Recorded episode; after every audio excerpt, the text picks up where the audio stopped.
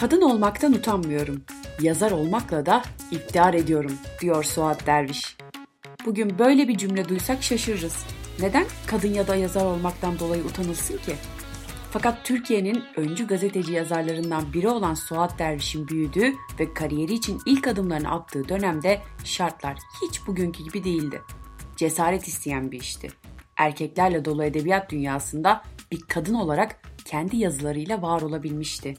Yine erkeklerle dolu olan siyasi partilerin birinde bir kadın olarak fikirlerini çekinmeden söyleyebilmişti. Osmanlı burjuvası sayılan varlıklı bir ailenin konağında başlayan hayatı içinde doğduğu ekonomik sınıfa türlü eleştiriler getirmeye başlamasıyla birlikte gitgide daha da zorlaşmıştı.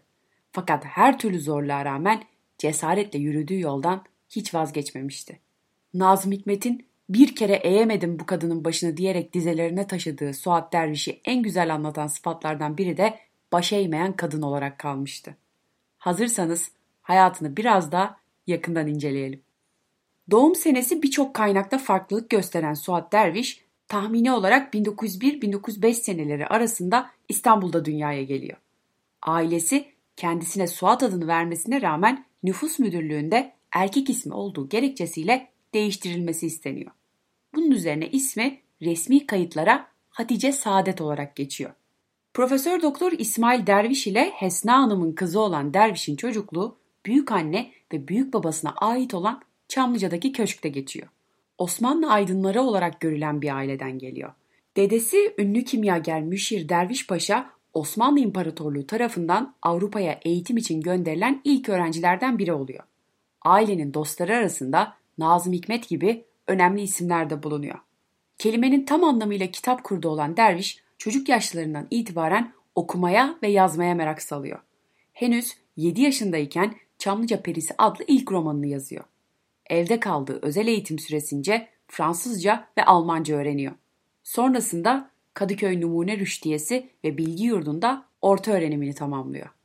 Yayınlanan ilk eseri 1918 yılında kendisi 13 yaşındayken basılan Hezeyan başlıklı şiiri oluyor. Şiirin yayınlanma hikayesi de oldukça ilginç. Çocukluk arkadaşı Nazım Hikmet dervişin haberi olmadan şiiri Alemdar gazetesine yolluyor. Gazetede oldukça beğenerek şiiri yayınlıyor. Türk Edebiyatı'nın önemli yazarlarından biri olan Mehmet Rauf tarafından edebiyat dünyasına takdim edilerek gençliğine rağmen hassas bir ruha sahip olgun bir yazar olarak tanıtılıyor. Tüm bunların sonucunda oldukça genç bir yaşta Osmanlı İmparatorluğu'nda basının ve siyasetin merkezi olarak görülen Baba Ali'ye ilk adımını atmış oluyor. Suat Derviş ve Nazım Hikmet derken ayrı bir parantezi de açmamız gerekiyor. Bazı kaynaklara göre hayatları boyunca çok sıkı dost olarak kalmış olsalar da birçok kaynağa göre de Nazım Hikmet Suat Derviş'e karşı yoğun hisler beslediği halde bu hislerine karşılık bulamıyor. Hatta Gölgesi isimli şiirini de bu duygularla yazıyor. Dilerseniz ben şiirin belli kısımlarını okuyayım, hangisi olduğuna siz karar verin.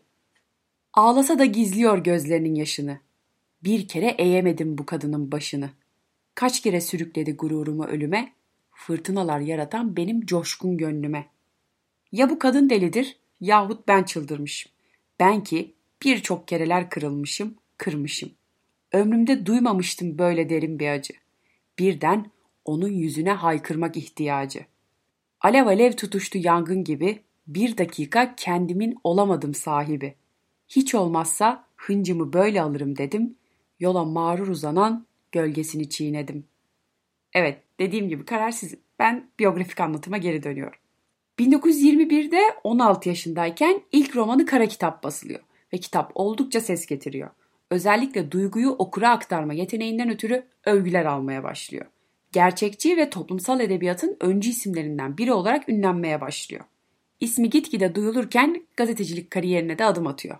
Alemdar gazetesi adına röportajlar yapmaya başlayan Derviş, yabancı dillere olan hakimiyetinden dolayı Lozan Konferansı'nı takip etmeleri için gönderilen gazeteciler arasında yer alıyor ve yurt dışına haber takibine gönderilen ilk Türk kadın gazeteci ünvanını alıyor. İlk romanının ardından 1923 yılında Hiçbiri ve Ne Ses Ne Bir Nefes, 1924'te Bir Buhran Gecesi, Fatma'nın Günahı ve Emine adlı romanları peş peşe yayınlanmaya başlıyor. Bu yıllarda eserleri Fransızca ve Almanca'ya da çevriliyor. Bazı kaynaklara göre eserleri Fransızcaya çevrilen ilk Türk yazar oluyor. Sonraki dönemde Alemdar'dan ayrılarak geçtiği İktam gazetesinde kadın sayfaları hazırlamaya, özellikle kadın hakları konusunda çeşitli haberler yapmaya başlıyor. 1927 yılında kız kardeşiyle birlikte konservatuar eğitimi almak için Berlin'e gidiyor. Bir süre sonra edebiyata duyduğu ilgi nedeniyle Berlin Üniversitesi'nde edebiyat bölümüne devam etme kararı alıyor. Öğrencilik zamanlarında da Berlin'deki çeşitli gazete ve dergilerde yazı hayatını sürdürmeye devam ediyor. 1932'de babasının ölümü üzerine okulundan mezun olamadan Türkiye'ye geri dönmek zorunda kalıyor. Dönüşünün ardından Son Posta, Vatan, Cumhuriyet, Gece Postası, Tan, Haber ve Son Telgraf gibi gazetelerde çalışmaya başlıyor. Birçok makale ve röportajı yayınlanıyor. 1936 yılında Montreux Konferansı'nı takip etmekle görevlendiriliyor. 1937 yılında ise sol görüşe yakın Tan gazetesi bu sefer kendisini Rusya'daki politik ortamı takip etmekle görevlendiriyor. Rusya'da geçirdiği dönemde sosyalist gerçekçilik akımından etkilenmesi hayatını şekillendirecek bir dönüm noktası oluyor. Gözlemleri Tan gazetesinde yayınlanırken hakkında iftiralar atılmaya, hakaretler edilmeye başlanıyor. Kader mi denir bilinmez ama çocukluk arkadaşı ve kadim dostu Nazım Hikmet nasıl vatan haini ilan edildiyse kendisi de aynı şekilde suçlamalara maruz kalıyor. Yazarlığından ve kadınlığından vurulmaya çalışılan Suat Derviş o dönem hakkında yapılan eleştirilere şu yanıtı veriyor. Eğer acıdıkları ünvan yazarlık ünvanıysa yok baylar. Ona ilişemezsiniz. Bunu bana kimse babasının kesesinden rüşvet, iyane, sadaka veya taltif makamında vermedi. 16 yaşımdan beri tam 16 sene çalışarak onu kazandım. Hem de nasıl çalışarak. O ünvan benim yegane servetim, biricik iftiharım ve ekmeğimdir.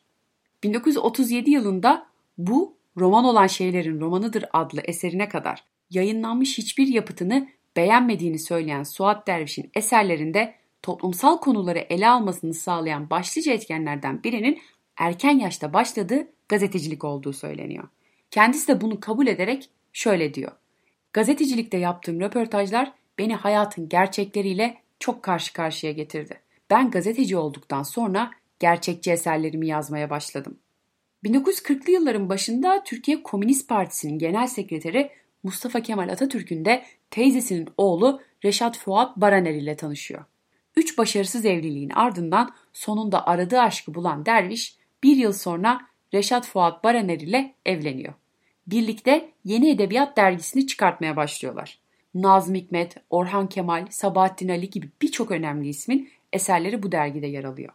Derviş, Yeni Edebiyat hakkında Behçet Necatigil ile yazdığı mektubunda gazetenin edebiyata katkısını ne kadar önemsediğini şu sözlerle ifade ediyor.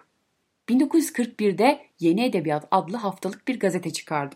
Bugün Türk Edebiyatı'nın en sevilen romancısı Orhan Kemal'in ilk hikayesini bana gelen amatör yazıları arasından ben seçtim. Birçok kalburüstü şair ve edipler en evvel yeni edebiyata yollanan heveskar yazıları arasında seçilmiş ve Türk edebiyatına devredilmiştir. Anılarından ve gezilerdeki izlenimlerinden yola çıkarak 1944 yılında kaleme aldığı Niçin Sovyet Rusya'ya hayranım başlıklı yapıtıyla tartışmaların odağı haline gelen Suat Derviş, aynı yıl eşi Reşat Fuat Barener'le birlikte Türkiye Komünist Partisi davası sanığı olarak tutuklanıyor.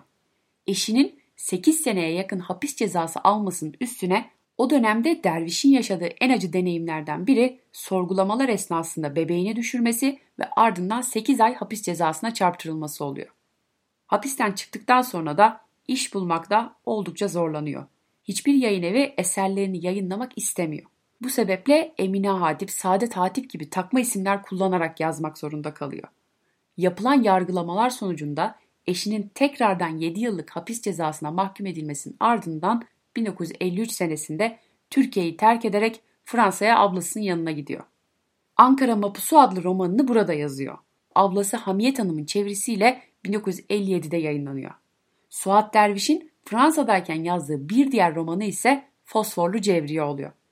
Toplumsal normlara göre ahlaksız sayılan ancak sevdiği ve kendini yeniden tanımlamasına neden olan erkek uğruna canını feda eden bir kadın olarak kurgulanan Cevriye karakteri Fatma Gül Berktay'ın da dediği gibi kendine özgü ahlakı olan bir özgürlük ve sevda simgesine dönüşüyor.